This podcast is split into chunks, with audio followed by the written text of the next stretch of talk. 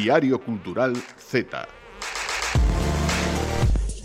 Adoitase empregar o termo Frankenstein para falar de entes formados por moitas cousas de orixes diferentes, pero condenadas a entenderse para seren funcionais.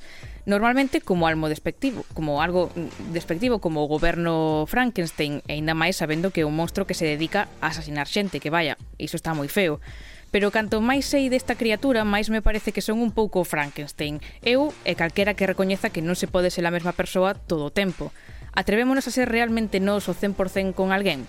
Quero pensar que sí, que o son coa persoa coa que quero selo ou con algunhas amigas excepcionais e despois o meu ser coa familia, con descoñecidos, con compañeiras, coas ointes, está formado duns e doutros anacos feito a medida de terceiros. Quen non é así un pouco monstro?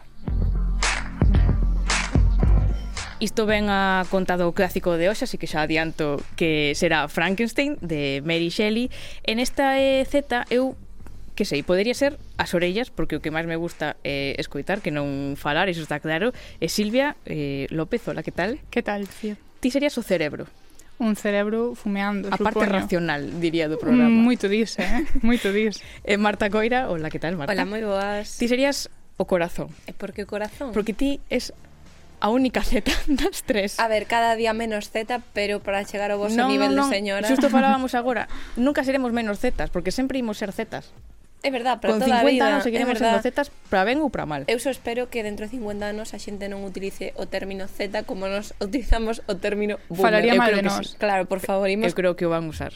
No, non imos ser boomers Baita no futuro. facendo, vaita facendo que xa para os que veñen detrás xa somos nos un pouco, ca sería o termo despectivo de Z. Centeniers. Centeniers. O propio termo eu creo que podería valer. Se xa vai ligado á connotación negativa, xa non hai que inventar nada novo. Xa inventarán eles, claro. que é o traballo que lles toca. Así que hoxe falaremos, como xa dicen, de Frankenstein, pero uh -huh. temos moitísimos máis temas, Silvia. Falaremos e coñeceremos un colectivo de mocidade galega que se agrupou baixo o nome do Ferrado e que o que fan é unha revista en galego dende a Galicia interior e a Galicia da diáspora para divulgar cultura, tradición, para falar de política, opinión, así que a ver que nos contan porque naceu ese ferrado e por que lle chamaron así tamén. Uh -huh.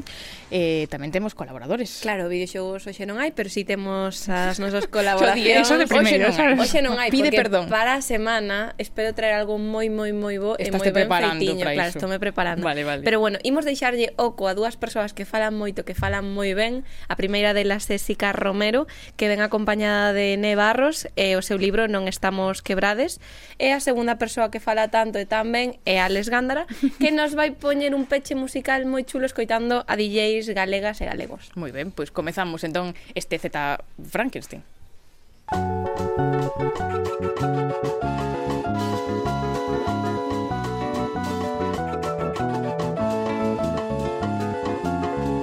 xunta da Galiza está poder noso campo A xunta da Galiza está poder noso seu A xunta da Galiza sempre faz tudo mal Se faz algo ben, esa por casa de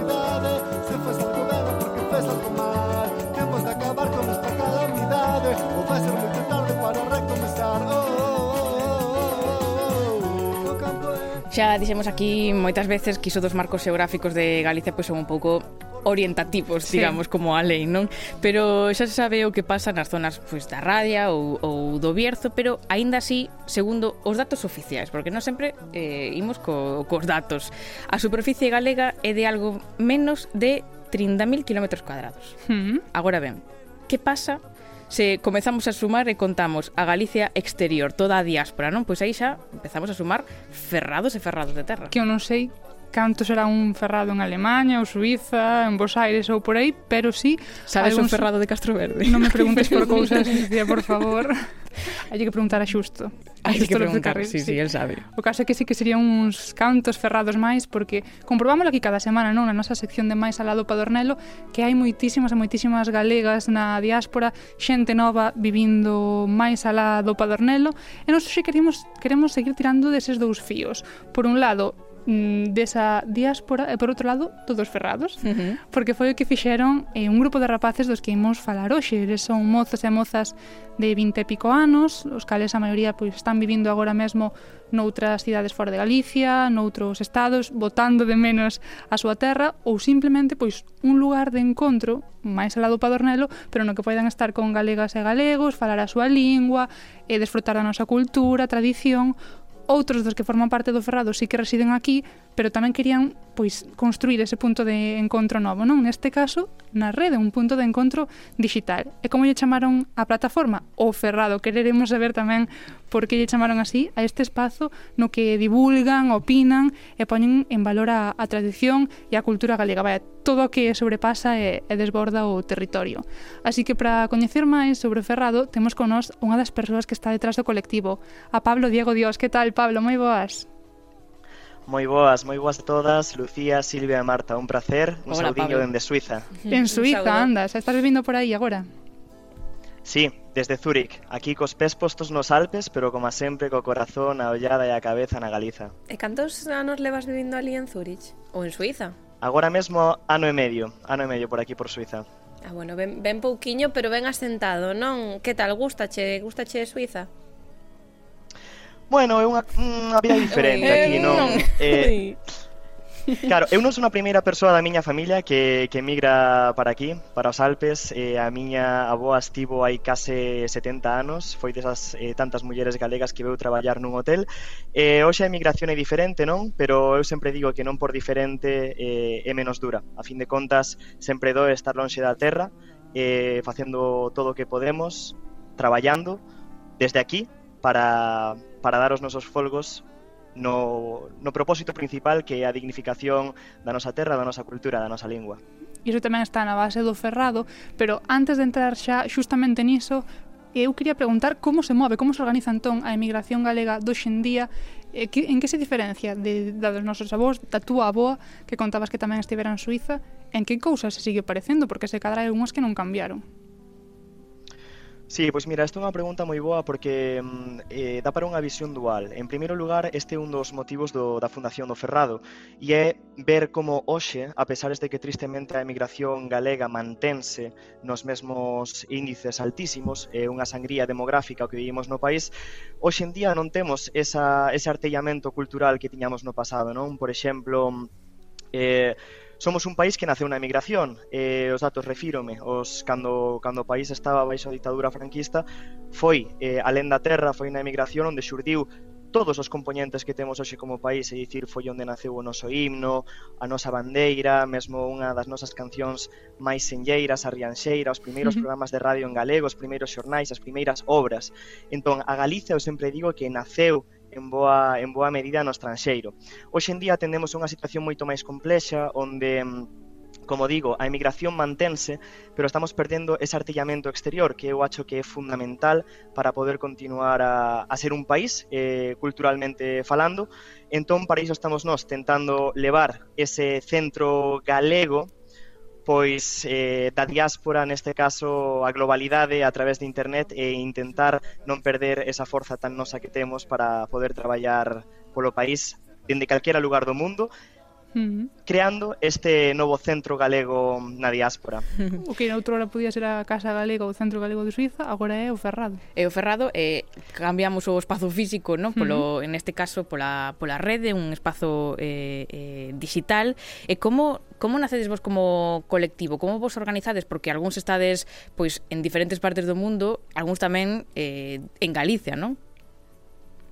Efectivamente, pois, eh, mira, eh, o xurdimento do grupo foi, como estaba comentando, foi un pouco unha cuestión dual. En primeiro lugar, eh, da necesidade de artellarnos no exterior, porque no momento da fundación moitos de moitos e moitas de nós estábamos fora, entón había xente na Holanda, na Suiza, en Barcelona, en Madrid, na Rioja, en Alemanha, E outro motivo fundamental foi unha das nosas maiores inspiracións, que é a rebeldía eh, dese persoeiro histórico da Galiza que é Manuel Antonio e Álvaro Cebreiro, co seu manifesto do máis alá. Nos cando andábamos de troula, pola cando, bueno, cando combinábamos no país, non no verán, dábanos de conta de que falábamos moito de como mirábamos a terra, de como víamos obrigados a marchar a emigración e de como gustaríamos que fose a Galiza do futuro, cales son os problemas que identificamos e cales gustarían que foran as solucións, como vemos a lingua, é dicir, todo un compendio de cuestións cuestións das que tratábamos sempre.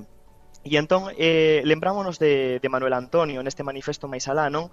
E dímonos de conta de que en cada corte, en cada xeración, a rapazada nova é a que ten que, que experienciar como ven o país e a que ten que poñer nova solución sobre a mesa. Evidentemente, nós que somos desa eh, xeración Z non identificamos eh, pois os mesmos referentes ou os mesma, as mesmas solucións, os, as mesmas problemáticas do que facían os nosos avós hai 100 anos. E parábamos a pensar e dicíamonos, hoxe en día, quen é a persoa ou o colectivo, a revista que lle está dando voz a, a esta mocidade. Entón, a idea original foi dicir, bueno, imos sacar un manifesto, o manifesto máis alá do ano 2022, uh -huh. pero logo dixemos, se realmente a problemática que, que identificamos, todas as cuestións sociopolíticas, lingüísticas e culturais, vémolas eh, pasan hoxe en día na actualidade, imos facer outra cousa, imos crear ese centro galego para artellarnos dende calquera lugar do mundo para tratar e para dicirlle ao país como a xente moza en chave nacional, a xente galega, eh, ve o país e cales son as solucións que temos que poñer sobre a mesa. Entón, evidentemente, nunca é sinxelo mm, combinar a persoas que están en diferentes recantos de Europa e mesmo de América. Eu mesmo estaba en Brasil ata, bueno, hai 4 anos, pero hoxe en día, bueno, pois non é tan complicado a través de internet, entón temos un consello editorial, non somos unha revista aberta a todo tipo de colaboracións, e grazas a iso atopamos a xente maravillosa, temos un compañeiro norteamericano iso, eh, eh? que fala galego mm. a perfección, Noa, Temos agora, bueno, a semana que venimos sacar unha nova colaboración cun rapaz que está na Suecia facendo arte galega, arte de muxía na Suecia, expoñendo na Gallery Mellán de Estocolmo e na Academia das Artes Suecas a um, unha obra baseada no na na pedra de, de Avalar de Muxía. Que creo entón, que xa entón, falamos bueno, aquí no Zeta, país... del Breogán Xave, Ah, pois pues mira, pois pues... Exactamente, Brogan que a semana que ven temos unha colaboración con el. Así que facendo o país a través de internet como boamente se pode e sempre sen ánimo de lucro e como todo neste, neste país que falla a mociade poñendo cartos do noso peto. Dá gusto escoitarte falar, Pablo. Acabas de decir cousas máis in, moi interesantes e de entre todas esas decías que, bueno, que sodes de, de moitos, moitos, moitos países. Cantos podedes compoñer, cantas persoas podes compoñer ao final este ferrado? E, e desde que países? Sí, pois é que son moitísimas, porque Nos temos o que é o Consello Editorial, o Consello Editorial somos eh, os e as membras fundadoras, entón eso vai como unhas 6, 7 persoas máis ou menos, pero despois temos un grupo de colaboracións que son todas as persoas que nos axudan a facer os, os programas, porque ademais o Ferrado non está limitado soamente a, a artigos escritos, senón que temos tamén entrevistas con diferentes personalidades políticas de todo o espectro ideolóxico galego, sobre cuestións culturais como o Couto Mixto, agora imos sacar un novo documentario sobre o Cristobo Colón galego, entón, Para iso tamén contamos con xente da Escola de, de Cine de, de Vigo, que agora, bueno, tamén está na Escola de Cine de Madrid. Entón, cando falamos de colaboradores, sen medo a, a equivocarme, podo dicir que somos máis de 20 persoas as que traballamos desde diferentes lugares de Europa. Gustaríame moito enumeralos todos, pero como mm. che digo, Suiza, Alemanha, Holanda, eh, Estados Unidos, Suecia... Bueno, faltan a lúa, non? Pero chegarase dai tamén. Mencionabas a, a este rapaz estadounidense, non? Que, que veu desde aquí a Galicia que se interesou polo Ferrado. Vos, cando vos chega, bueno, supoño que sería el quen se poría en contacto con, con vos, corríxeme se me, que, que se me equivoco, como reaccionache desde en primeiro momento? Porque non é algo moi habitual. Non, para nada, esta é unha, é unha historia bastante engrazada, temos mesmo un artigo sobre iso. Foi un dos nosos colaboradores, Luis Lores, que ademais, eh, bueno, este rapaz é un economista pontevedrés, que é tamén coñecido porque ele era o vocalista dunha das bandas de punk rock do panorama galego máis coñecidas, Fondo Norte. Eh, daquela, Luis, isto foi o ano pasado, estaba emigrado na Rioja, onde estaba facendo o máster habilitante para ser mestre de Economía, e un día, de viños pola Rioja, topouse cun, bueno, o, o compañeiro de Luis era americano, e saiu de festa con el e entón este americano coñecía outro americano. Luis atopouse pois pues, americano pola rúa. entre eles, sí, sí.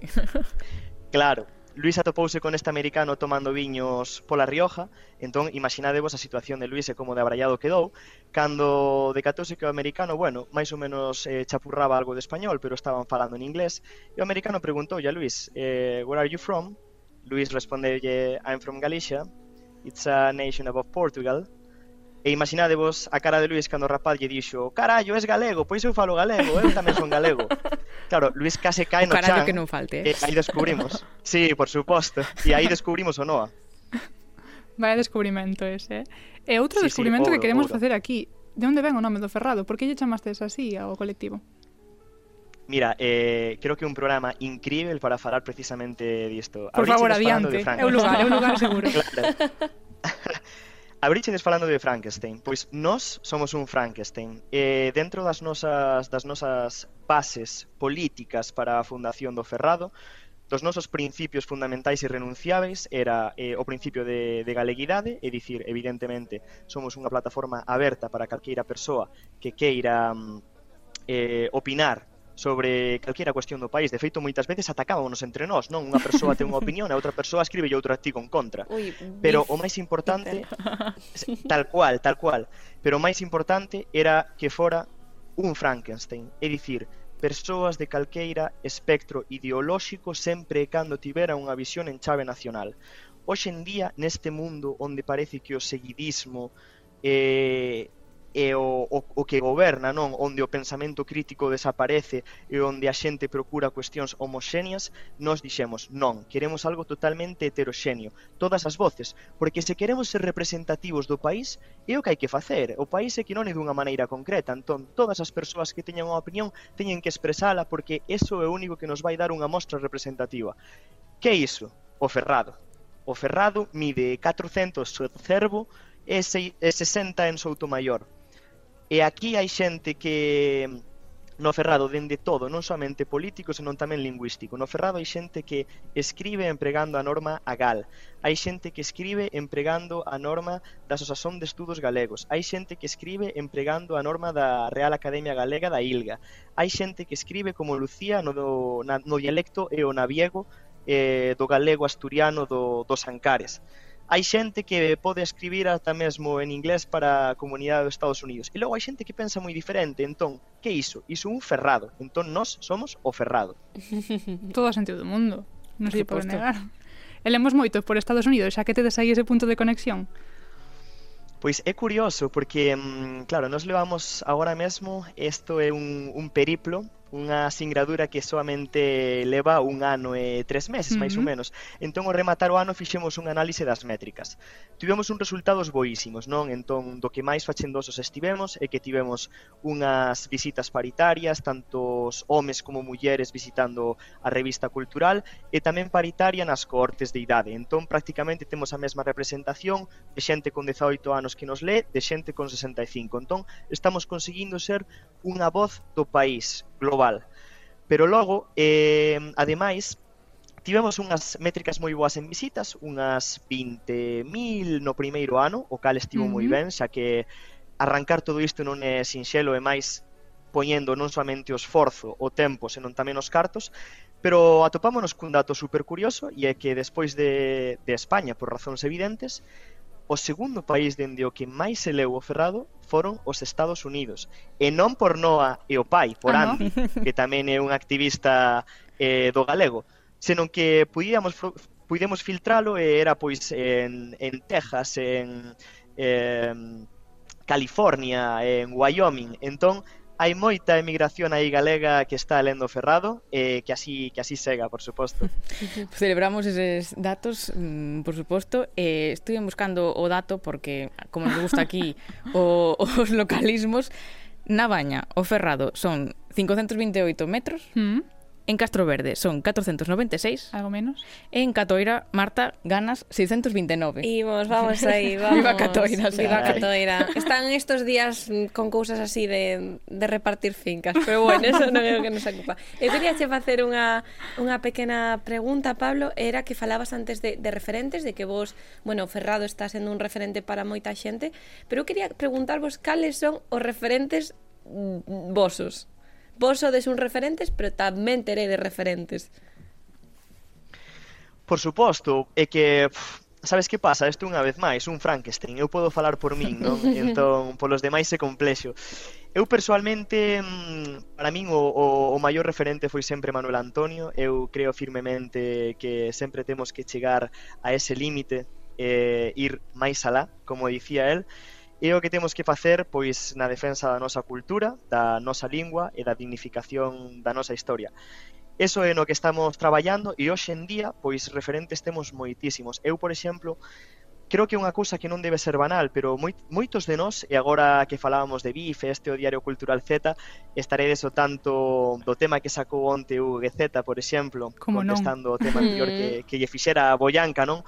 Entón, eh, aínda pesares de que poida resultar unha cuestión banal para xente eh, maior, eu creo que Os referentes musicais son super importantes na concienciación da mocidade galega respecto ás problemáticas do país. Entón, a min gustaríame hoxe aquí, non solamente porque sempre falamos de escritores, sempre falamos de, de, de políticos ou de ou de persoeiros clásicos, non? E evidentemente temos que lembrarnos deles. Eu nutrome moitísimo eh, de Vicente Risco, cando Vicente Risco era alguén, por suposto.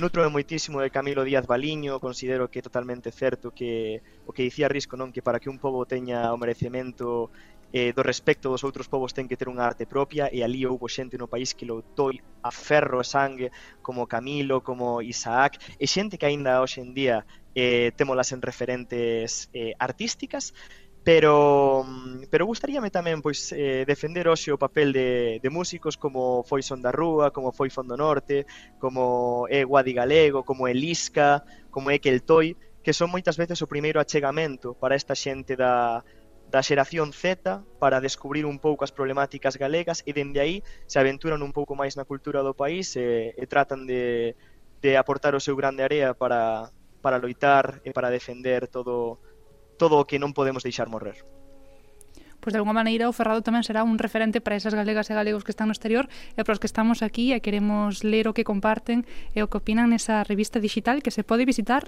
en oferrado.gal, non é Pablo? Efectivamente, ese ademais foi outro punto irrenunciável. O punto Era o máis caro, o punto gal, pero, Aí estaba pero había que ir a por el. Eso é o que fai país, o punto gal. Pablo Diego Dios, moitísimas grazas por levarnos hoxe o Ferrado Frankenstein. Grazas a vos, unha aperta, un saudiño, terra e saúde sempre. Un bico. Diario Cultural Z.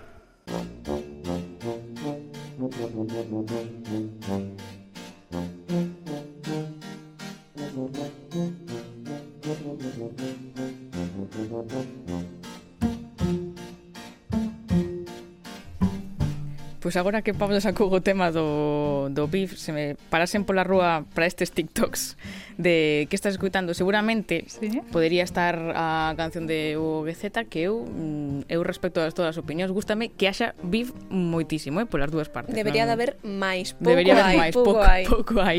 Pero se son realmente sincera, eh, se me pedisen eso de que estás escuitando, mm eu teria que ensinar o meu móvil totalmente en chamas de reproducir o último disco de The National porque son unha zeta bella eh, seguramente non, non, por, vamos, agocho ningún seguramente sexa o meu grupo favorito do mundo e eh, o disco novo está a ser a, a nada de ser o meu disco favorito Mentres do mundo. Mentres ves aquí cunha camiseta de grande amore, eh, que a cousa non está e que ainda non fun a ningún concerto de The National como vou a mercar unha camiseta de traela aquí. Mm, a todos se chegará. Eso.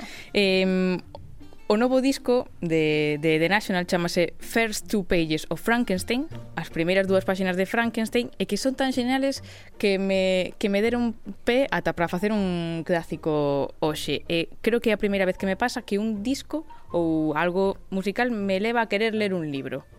Entón, imos falar de Frankenstein coa música de The National de fondo. Don't you understand? Your mind is not your friend again Takes you by the hand and leaves you nowhere. You feel it in your nerves. It's choking out the sun.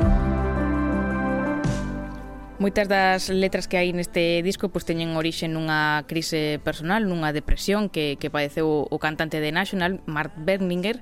En ese tempo, el estivo lendo Frankenstein.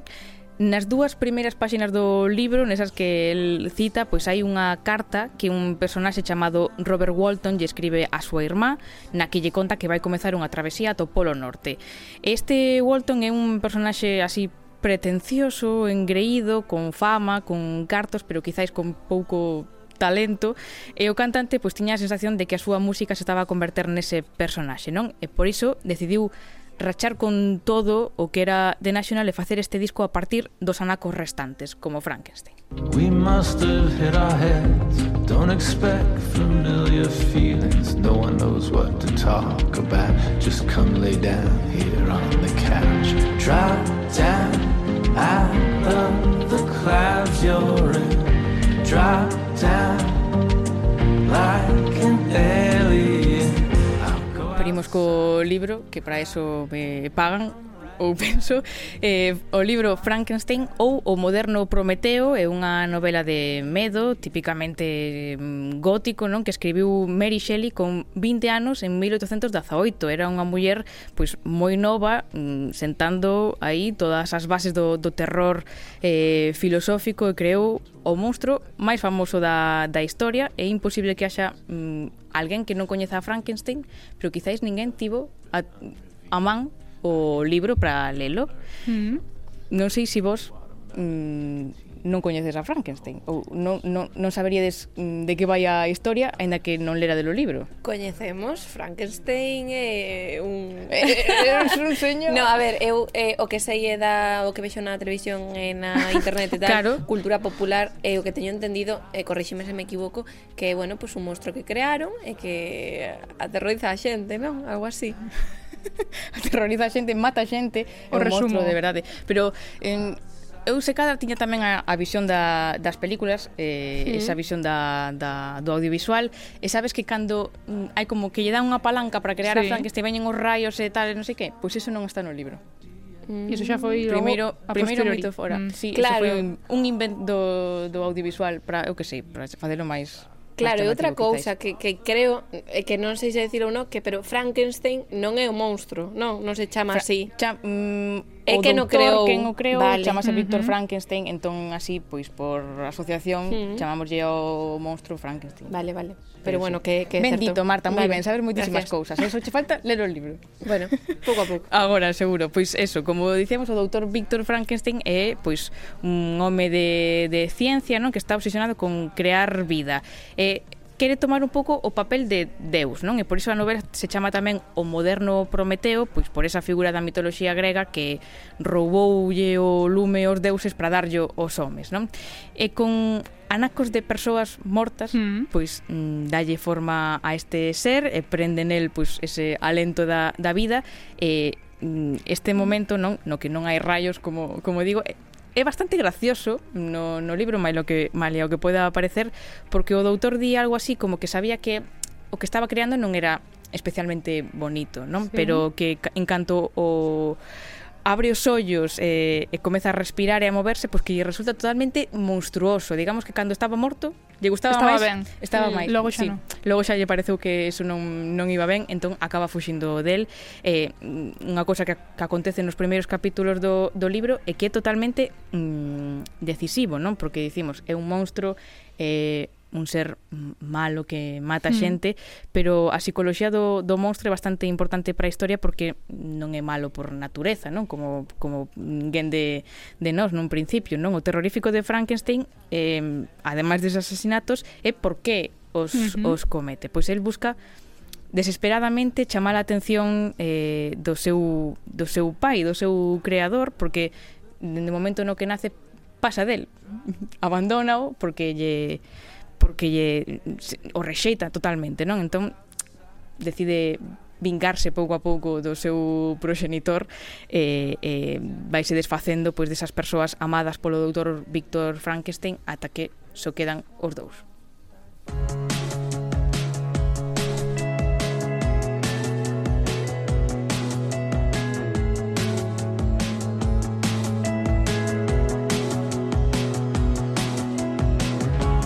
wasn't started yet. I didn't even think you were listening. E outro clásico dentro dos clásicos é rematar cunha peli, Mm, sí.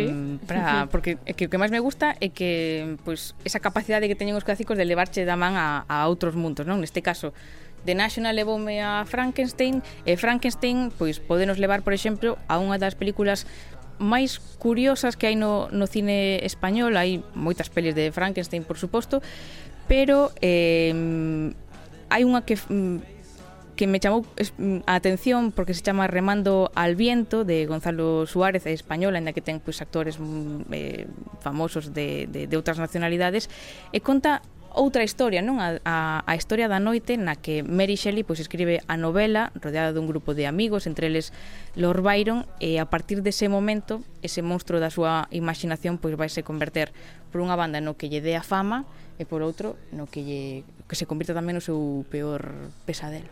O que lle quita todo na vida. O que lle quita todo. Valo ler, Marta. Vou non ler de cabeza. Déixame ese que tes toma, toma. na mesa. Toma, da biblioteca, así me gusta. Sí, sí, home. Pois... É que no, mm, hai que gastar cartos nos libros sempre, pero as bibliotecas están moi ben. Hai nas que visitar, sí, sí, sí, sí. uso delas. Iso sí, o seguinte libro que ven agora, mellor poñede cartos. Chámanos xerazón de cristal, mentres cos seus anacos de vidro afiado rachan cada fragmento de liberdade que somos. E se cantamos que estamos certes, proíben a música. Mas non vamos parar o concerto mentre reste alguén que aínda non poda botar un aturuxo. Diz que somos unha xeración perdida Nada desta crise que nos roubou a comida. Fumamos jallins para esquecer mentiras. Na cadeira do insto pensando na salida. Mentre miña nai entre escuros precarios Dando de comer a cativos en horario. Soan esta vida na escuridade eterna. Lembrando as ofertas que non me deron de nena Chica Romero, que tal? Benvida de novo Z. Gracias, Lucía. Vemos que hoxe cambiamos de sintonía porque temos unha razón moi boa para facelo. Foi unha petición especial que fixen. Moi ben. A min gustan as, as túas peticións, eh? Sí, sí, sí además, Encántame a canción particularmente. Sí. Eh, pois bueno, esta sintonía eh, é que estou enganchadísima a unha canle de, de Spotify que se chama Non estamos quebrades e que ten moito que ver eh, ca nosa, eh, con noso convite de hoxe, Ne Barros Hola, como estás? Moitas grazas por convidarme, estou encantada de estar hoxe aquí. Pois Ne Barros, quen é divulgadore cultural, escritore, youtubeire. Cantos sí, anos tes? Teño 20 anos, como Mary Shelley, cando escribiu Frankenstein. que non é? Sería tamén a pregunta. Que non é? Por que? Mais ti non escribes eh, Frankensteins, non? Non vai tanto, non vai tanto por aí. Eu intento non dar tanto medo, non sei se vou ou non. non, non, eu penso que non. Eh, estamos aquí pola túa terceira publicación, non estamos quebrades, eh, tamén por unha primicia, pero que xa sairemos con iso máis uh, adiante. Vale, vale. E de, nos poñendo nervioso aí ao público. eh, non estamos quebrades aí con Cuarto de Inverno, aí ben pouquiño despois de que ganaras eh, o premio María Victoria Moreno. Sí. Eh, xa de primeiras ten unhas características na linguaxe das que me gustaría eh, que, que nos falaras un, un chisco. Pois a verdade é que tamén vai relacionado co propio premio porque eh, é un libro que saiu publicado un cuarto de inverno e precisamente sair publicado nunha editorial pequena que coida tanto edición e que dá tanta liberdade en algúns aspectos foi o que me permitiu facer estas escollas tan claras con respecto ao linguaxe que, que penso que xa desde o propio título se pode ver que está escrito por unha parte con linguaxe non binaria é dicir, eu intento reivindicar estas novas formas que estamos intentando propor para romper esa linguaxe que parece que sempre está en masculino ou en feminino e tamén tento reivindicar por outra parte o galego reintegrado, que é unha forma que eu emprego ás veces que é de xeito resumido eh, utilizar as formas ou a normativa ortográfica do portugués aplicada ao galego. Eu dicir, eu non mudo como falo, pero sí que mudo como represento. Eu sempre intento reivindicar iso de que se alguén quere escribir no galego da Real Academia Galega, no que estudamos normalmente, que teña oportunidade, pero que eu tamén teña oportunidade de escribir nese outro galego reintegrado e cuarto de inverno precisamente este concurso deronme esta posibilidade que outras editoriais pois ás veces non permiten hai moitas editoras lanzándose a, con mm. propostas novas eh, e o que pasa tamén cando te arriscas con xente nova que, que o que ten, non? Que che rompe totalmente o, o os esquemas. Os esquemas, está ben. Sí. Ademais, co que falas da linguaxe non binaria, eh, neste caso, ata está no título que mm, é eh, un ir a por todas, non? Eh, veña, A mí parece moi interesante facer iso para que non se evitase. Porque, claro. por exemplo, son unha persoa de xénero non binario e a min eh, sempre digo que me dá igual se me tratan en neutro ou en masculino, pero veixo que todo o mundo está intentando, como sempre, tratarme en masculino para evitar ese neutro. neutro. Eu quero polo menos que se fale diso e que, aínda que eso sexa un xornal, teña que poñer non estamos quebrades porque non pode evitar o título para que xere esa conversa. Claro, xerar conversas sempre creo que estamos moi de acordo aquí no Z. Sí, sí. Eh, peculiaridades palabra complicada, desta novela que ti mesme comentas nun vídeo da túa canle do YouTube, eh, Neumático, eh, chamase a canle dobre E, e K. Eh, mm, a música en galego para sair da festa, Sí, pois basicamente esta é unha obra que vai moito sobre sair de festa e ser unha persoa adolescente, porque a min sempre me gusta facer como obras dedicadas para xente máis ou menos da miña idade, aínda que calquera persoa pode lela e non queima nas mans.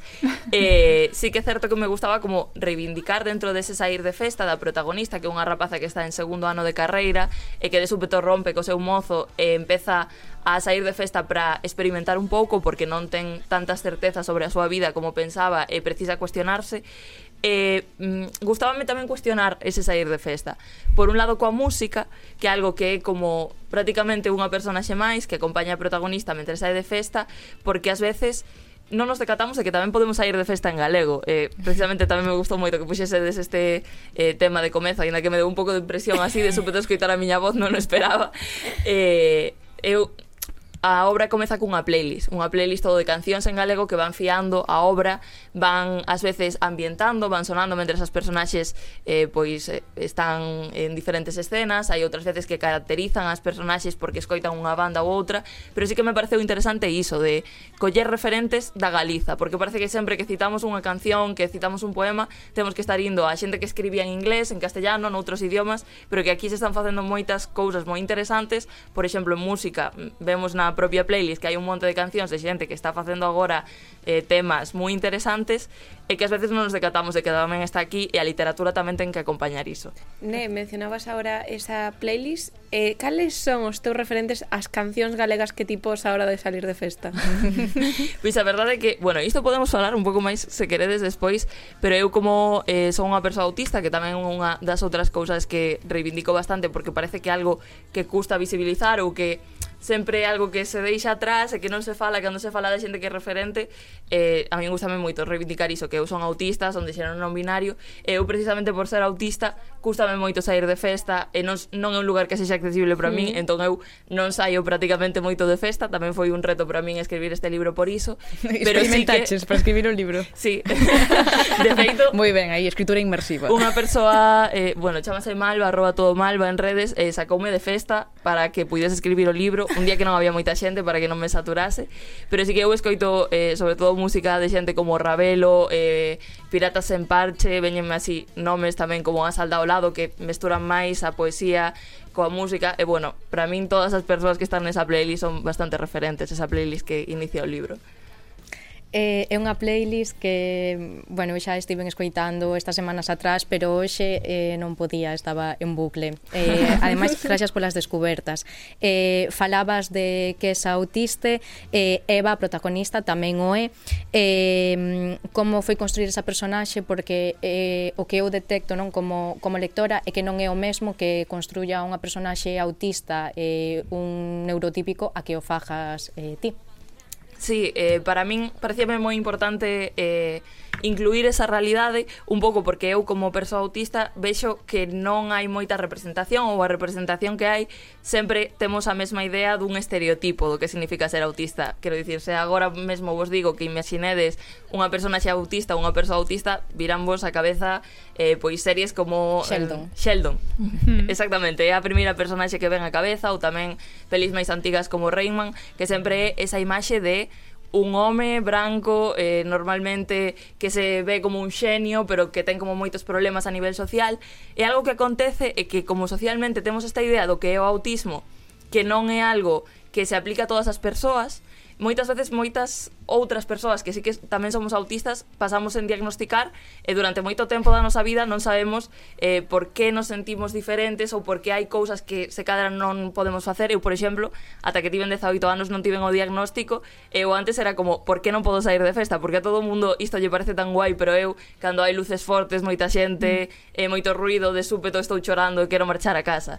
Entón, eh, pareceu moi interesante por iso, por visibilizar, pois neste caso é unha rapaza, é nova, tampouco esta idea de xenio que temos, e, e tamén porque é un pouco que dicías ti, sí que é certo que mm, persoas que non viven unha realidade poden chegar a representala, por exemplo, hai libros como 22 segundos de Bamejuto que representa xenial a realidade trans, porque hai como un traballo detrás moi grande de sensibilización e de contar con xente eh, dese colectivo para investigar antes e para eh, reflectilo dun xeito que vaya máis alo do estereotipo. Pero sí que me parece que hai como un certo valor en que persoas que viven unha realidade creen personaxes sobre esa realidade, porque é unha visión diferente. Hmm. Eh, forman a novela personaxes lésbicas, bisexuais, non binarias e racializadas eh, da mesma maneira que forman parte eh, da, da nosa realidade. Eh, eu creo que é precisamente por isto polo que é unha lectura eh, perfecta para a xente que non ten eh, tan a man esta realidade. eu, eh, persoas eh, do colectivo, perso bueno, eh, todo queer, eh, calquera que se poida sentir identificade, genial. Pero quen non, mellor. Porque é isto que, que axuda, non? E ao final... Eh, temos un montón de, de cousas integradas, mm. de, de ideas, e aínda a quen vivimos todo isto de cerca e quen nos abrimos aínda nos custa. Entón, eh, por iso hai que facer este tipo de, de literatura e tamén outra literatura eh, como a que está por vir, eh, da cal ti eres coordinadore, neste sí. caso, tamén Vaya escritore, primicia. vaya primicia, cartel, por favor, exclusiva. sí. Exclusiva aquí como Luces nun rótulo. eh, Bueno, teño aquí o as persoas que van formar parte desta eh, desta mm, de este no libro. Milo? De este libro. Tengo un montón de personas ver, ahí, sí, por favor, bastantes. Este libro que o 8 de xuño estará nas librerías da man de, de Xerais, a editora Xerais, eh, Adrián Gómez, Alfredo Márquez, Ángel Calo, Aranxa Vicens, Branca Trigo, quen estivo aquí, Cintia Romero, eh, Malva, de quen acabas de falar, Mario Elías, Né, e ademais de coordinador e tamén tes aí o teu relato Noé Alamino, Nuria Vilán tamén estivo aquí Pablo Rodríguez, Sara Faro Sonarabos de Fillas de Casandra Sica Romero aquí servidora e Xañe Redonde, Redondo o Rabelo, eh, de quen falamos tamén hai moi pouco. eh, todos coñecides, así que, eh, que que nos podes contar da túa experiencia coordinando esta, esta publicación dende xa hai un tempiño, uns meses. Sí, eh, pois por introducir un pouco antes de falar disto, o que vais a ir, o que vades poder ler, eh, collar nas librerías, nas bibliotecas, supoño que tamén estará, é eh, un volume que se vai chamar Alguén nos lembrará, que é unha cita de Safo para que lle interese, e Alguén nos lembrará é un volume que creamos con Xerais, eh, de 15 persoas de ata 30 anos arredor do colectivo LGBTIQA todas escribiron relatos arredor do colectivo LGBTIQA, non tiveron como máis restriccións, foi mm, unha proposta de podes facer un relato que reflexione directamente sobre isto ou pode haber simplemente personaxes que sexan do colectivo e houve bastante liberdade creativa neste aspecto. E xuntámonos e fixemos iso unha antoloxía de 15 relatos de 15 persoas e mocidade que agora sairá eh, o 8 de xuño, creo que vai estar en librarías, se non me equivoco. Eh, para min foi unha experiencia que era a primeira vez que eu coordinaba algo. Eu uh -huh. chamaronme así un bo día e propuxeronme isto e foi como algo que me fixo moita ilusión, que de feito xa poderedes ler no prólogo porque eh, así como antes falaba de que a mí me faltaban referentes como persoa autista que me reflectisen como eu vivo esta realidade, tamén moitas veces me faltan referentes de persoas disidentes que tamén escriban sobre a disidencia ou historias sobre a disidencia en xeral, e un pouco o que queremos facer é ese libro que a nós nos gustaría ter encontrado de pois tamén se pode escribir sobre estas realidades, tamén se pode escribir sobre a disidencia e hai moitas visións diferentes dentro. Ne, ti a hora de, de, bueno, de coordinar este proxecto, fuches ti quen propuxo a todas as persoas que acaba de mencionar Sica ou, ou Xerais tamén dixo, ui, esta persoa pode encaixar? Pois a verdade é que eh, a min chamaronme nun primeiro momento para propoñerme así un concepto xeral de que querían facer algo sobre o colectivo LGBTIQA. De feito, eh, Xerais é outra das editoras que está como eh, facendo cada vez máis cousas alrededor disto e a verdade é que está facendo propostas moi interesantes como, bueno, non é directamente disto, pero toca bastante con isto o cento voando, o cento voando que é un libro de mm. alrededor das non monogamias que tamén acaba de sair que é moi interesante. Eh, chamaronme e xa tiñan como algunha idea de algunha persoa que podían chamar, pero outras moitas pois fomos consensuando ou foi un proceso que foi avanzando tamén a medida que ia mandando correos eu tamén ia preguntando a xente que me recomendase outras persoas porque ao final cada quen chegamos como o noso ámbito eu tampouco mm. quería limitarme ao meu ámbito e hai persoas que eu xa coñecía de antes pero persoas coas que eu non falara tanto como Sica, por exemplo, que eu creo que non nos coñecíamos de antes no, no, Sica. No, e a túa experiencia participando neste libro. Non vas a ti a entrevistar, vamos a entrevistarnos a ti agora. Eh, a miña foi unha experiencia, primeiro que non me esperaba, e despois moi moi produtivo porque eh, Eu escribín tres relatos, aquí só hai, solamente hai un, pero escribín tres para despois poder escoller eh, o, o que máis se me axeitaba.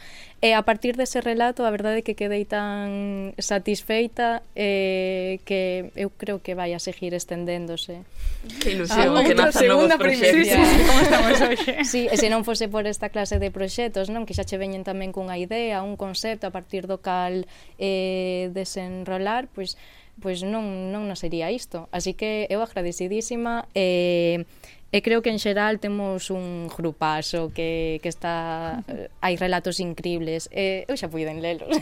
Cara, aquí sí, dando en beca. Sí, sí. Moi ben, fora de eh, micro, pasada. fora de micro contarnos Conto máis. Conto vos todo. non, non. No, entón, Eh, bueno, non hai moito máis que, que dicir acerca desta publicación, aparte de que o día 8 eh, xa pode desir a, a todas as librarías. Eh, e mentres eh, esperamos, eh, pois pues lemos, non estamos quebrades, non estamos por suposto, que xa temos aquí pente de traballo e logo xa seguiremos co, co seguinte. E tamén podemos ir a canle de YouTube de Ne, uh -huh. Neumático, chamase... E que se entras aí xa temos traballo para 4 anos. e que se entras aí hai unha de divulgación para ir meténdose cousiñas na cabeza que nos custa moito e eh, ás veces comprender e despois de comprendelas aínda hai que interiorizar que eu mm, ademais en jalego hai que hai que, que ir con isto. Por suposto. Nevarros, moitísimas grazas por vir a, a OZ estamos encantadas de, de recibirte aquí. Obrigada eu polo convite. E Sica, por suposto, a ti como cada semana, esperamos xa pola seguinte recomendación. Moitas gracias. Diario Cultural Z. Gracias. Thank you.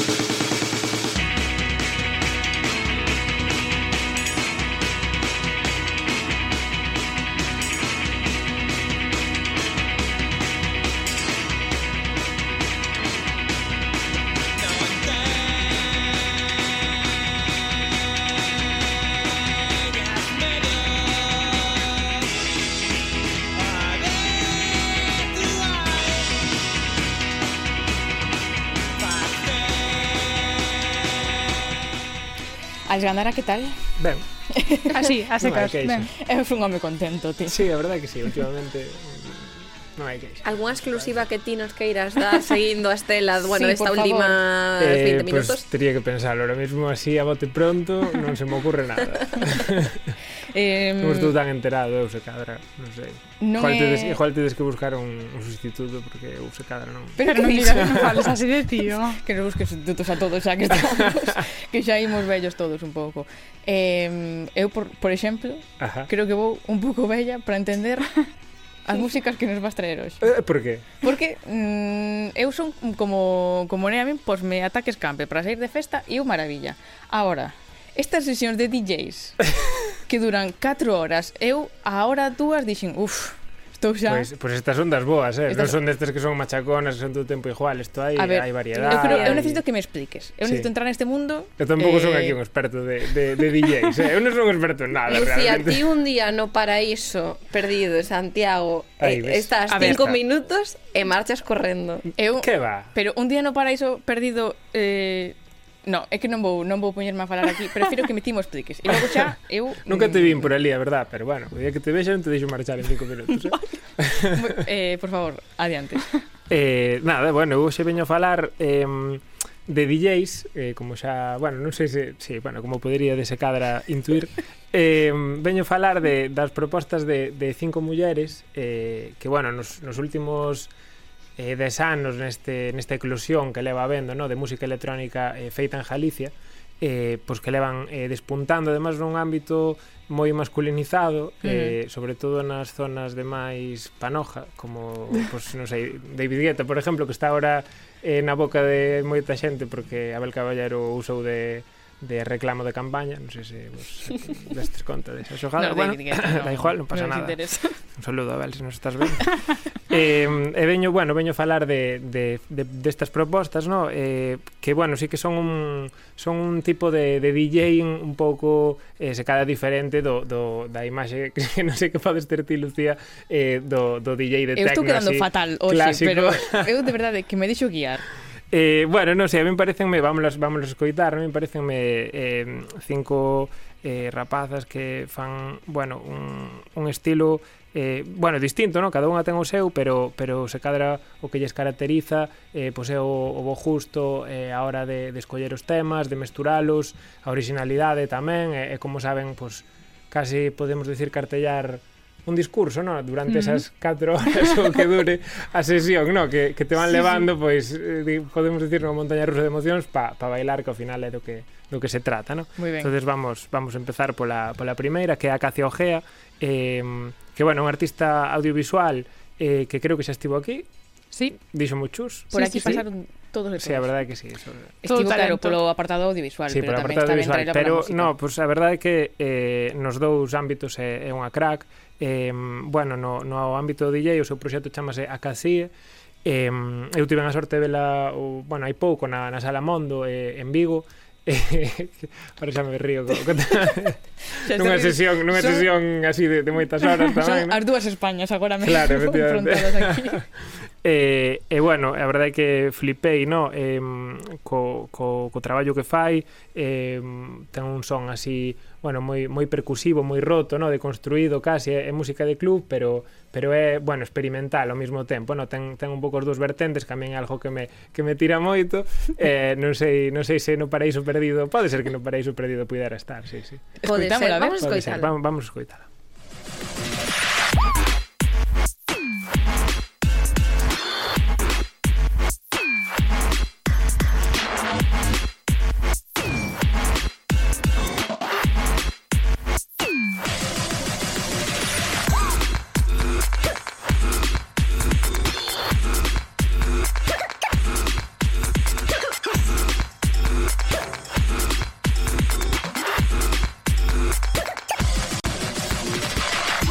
ver, Marta, en calidade de experta no paraíso perdido. bueno, experta, no, no, non fundan das veces, eh, pero bueno, que está ben, a min mola, me pa un ratiño... O... Pa Guai, pa un ratiño. pero un ratiño non son cinco minutos, eu que sei, unha hora, hora e vale, algo, vale, está vale. ben. Entón, vale, esto, Primera... esto vai, vai cambiando, claro, non é que sea así todo o tempo, Habería que escoitar o eu convido pues, a escoitar o mix entero Pero non temos vale tempo para estar unha hora escoitando. de verdade, eh, eu Pero mentras ides por aí correr ou algo, non vale. sei que facedes. Para no, correr e para pois estar unha hora no paraíso perdido. Vale. Mm, apuntado. Anotamos.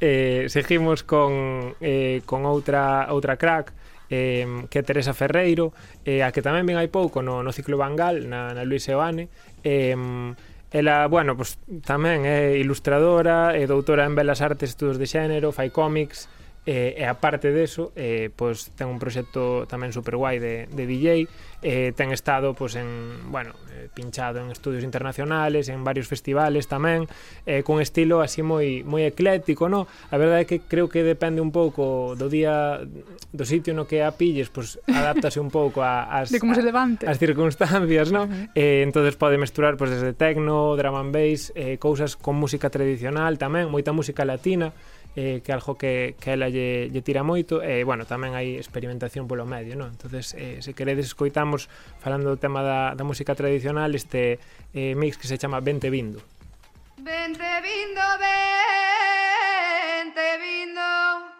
que eu tamén me vou andar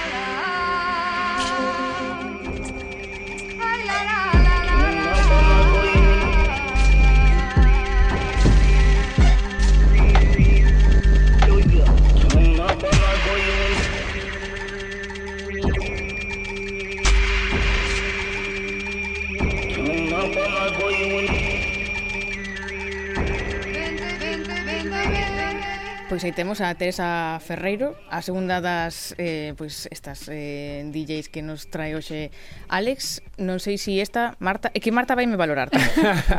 A ver, pero non me tedes mamín aquí por unha experta claro. musical e Home, tal, tampouco tanto, sí. máis que vos, bueno. Sí, non falo por Silvia, pero... No, no, non me mires con medo, é así. É o que Esa dixo antes, non? Son diferentes estilos, cada un para o seu momento. Nunha noite podes poñer as dúas e seguro que os tres que veñen tamén, non? As sí, tres. Sí, sí, desde logo. Por certo, que a que sonaba aí cantando, creo sí. que mm. era Felisa de, de Leilía, do primeiro disco, pero non, non ahora mesmo non, igual me pillades, pero creo que sí, mm. non o mirei. Non ves cos datos todos, por no. favor, eh? Por lo menos non o digas. creo que sí, sí, eh, apostaría que sí, pero bueno. Moi ben, por onde seguimos? Seguimos eh, por Rus ou Rusiña, eh, unha DJ daqui de, de Santiago, eh, é produtora tamén, de feito, eh, acaba de, de sacar eh, o, seu, o seu primeiro traballo, digamos, discográfico, non como, como produtora, xunto con White, tamén, que estivo aquí sí, ao uh -huh. principio de todo, da, da miña estancia. eh, eh, bueno, mm, isto dijo tamén porque hasta ahora estuve poñendo mixes, no? que, que serían cousas máis enfocadas pois eso, o, o directo, non? E, e así, e, e bueno, os DJs pois teñen esa vertente, tamén poden ter a vertente de, de publicar cousas, digamos, máis no sentido máis tradicional, no discográfico, mm. eh, pero non teñen por qué, non? Eh, non ten máis valor unha cousa eh, que a outra, non? Pero neste caso, eh, pois Rus acaba de sacar este eh, 100, eh, que bueno, é unha electrónica tamén así, digamos, exploratoria, non? É eh, unha cousa, eh, un ambiente así escuro eh, pero bueno, tamén con partes moi, moi bailables, non? Eh, se queredes escoitamos este Cafurna.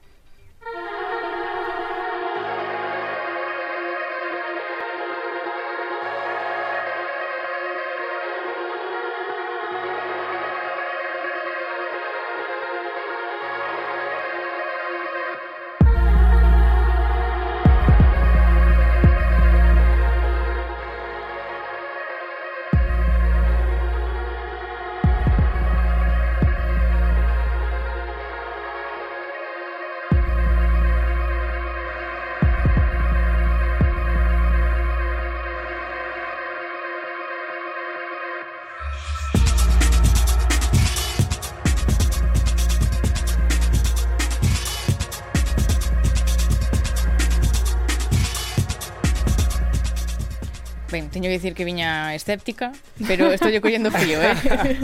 claro, joder. Eu deixome, eu deixome Isto é, isto é super bailable con estes sí, aí sí, sí. breaks de batería e tal, isto isto pa mover os pés. Esto, totalmente. sí, isto a determinadas horas entra ben. Claro. Sí.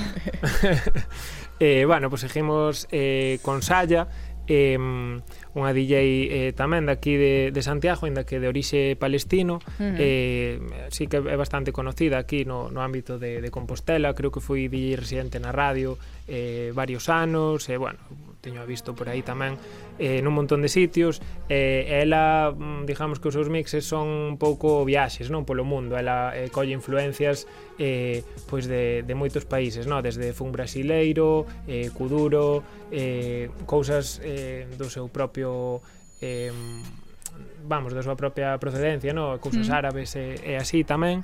E, e bueno, escoitamos un pouco algo que vai nesta, nesta línea, non? un mix do, do ano pasado eh, que fixo para, para unha radio de París que se chama Radio Flouca.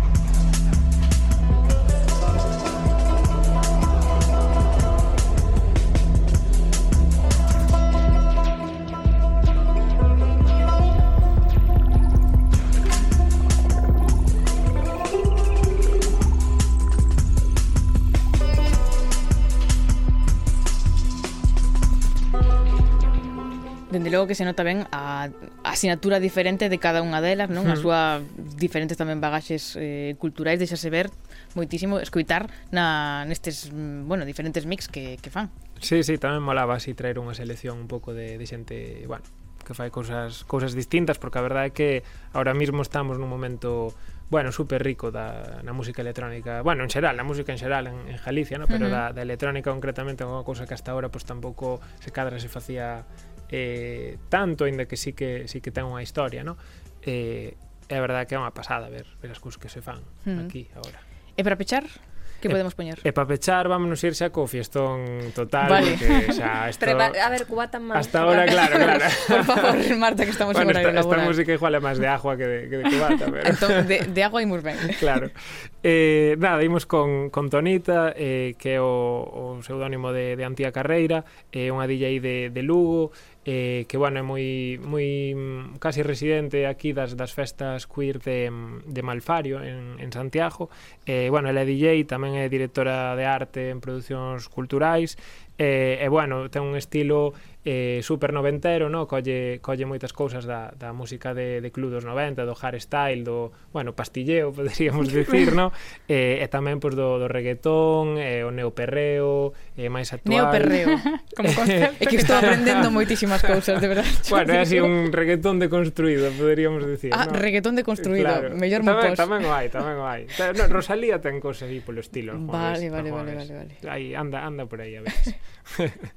Eh, e, nada, bueno, pois é unha, unha cousa cañera, cos baixos ben distorsionados e, e para bailar.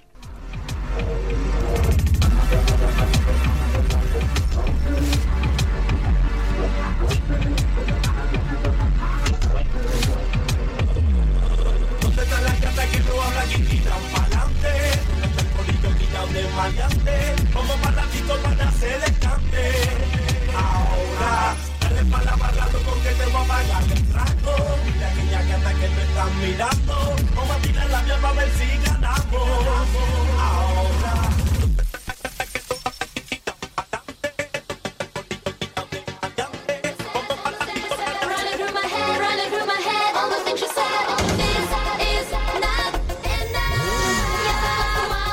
está aquí Marta dándolo todo. bueno, iso que nos colla deixa polo botella, YouTube Marta, eh, saberao, botella. pero que temazos, que temazos, temazos. me encantan. So temazos os que trae Alex Gándara, como sempre. Moitas grazas. A vos. Eh, grazas, Silvia, a vos por estas aportacións sempre interesantísimas. Eh, e grazas, Marta, eh, xa, ti directa de aquí para onde vas? De aquí, pois pues, no, a donde me cadre, eu que sei, depende que con esta música, bueno, pues claro, que con esta ben... música onde irías? a perrear non sei a onde. A neoperrear a onde? A neoperrear ao primeiro sitio que vexa que está aberto, verdad? Perfecto, vale, nos ven. Perfecto, pues, pois as, vamos para Así despedimos este programa. Grazas tamén a Maca Rimúndez e a Miguel Grandío que están na produción e a Germán Cacheda no control técnico. Ata semana que ven.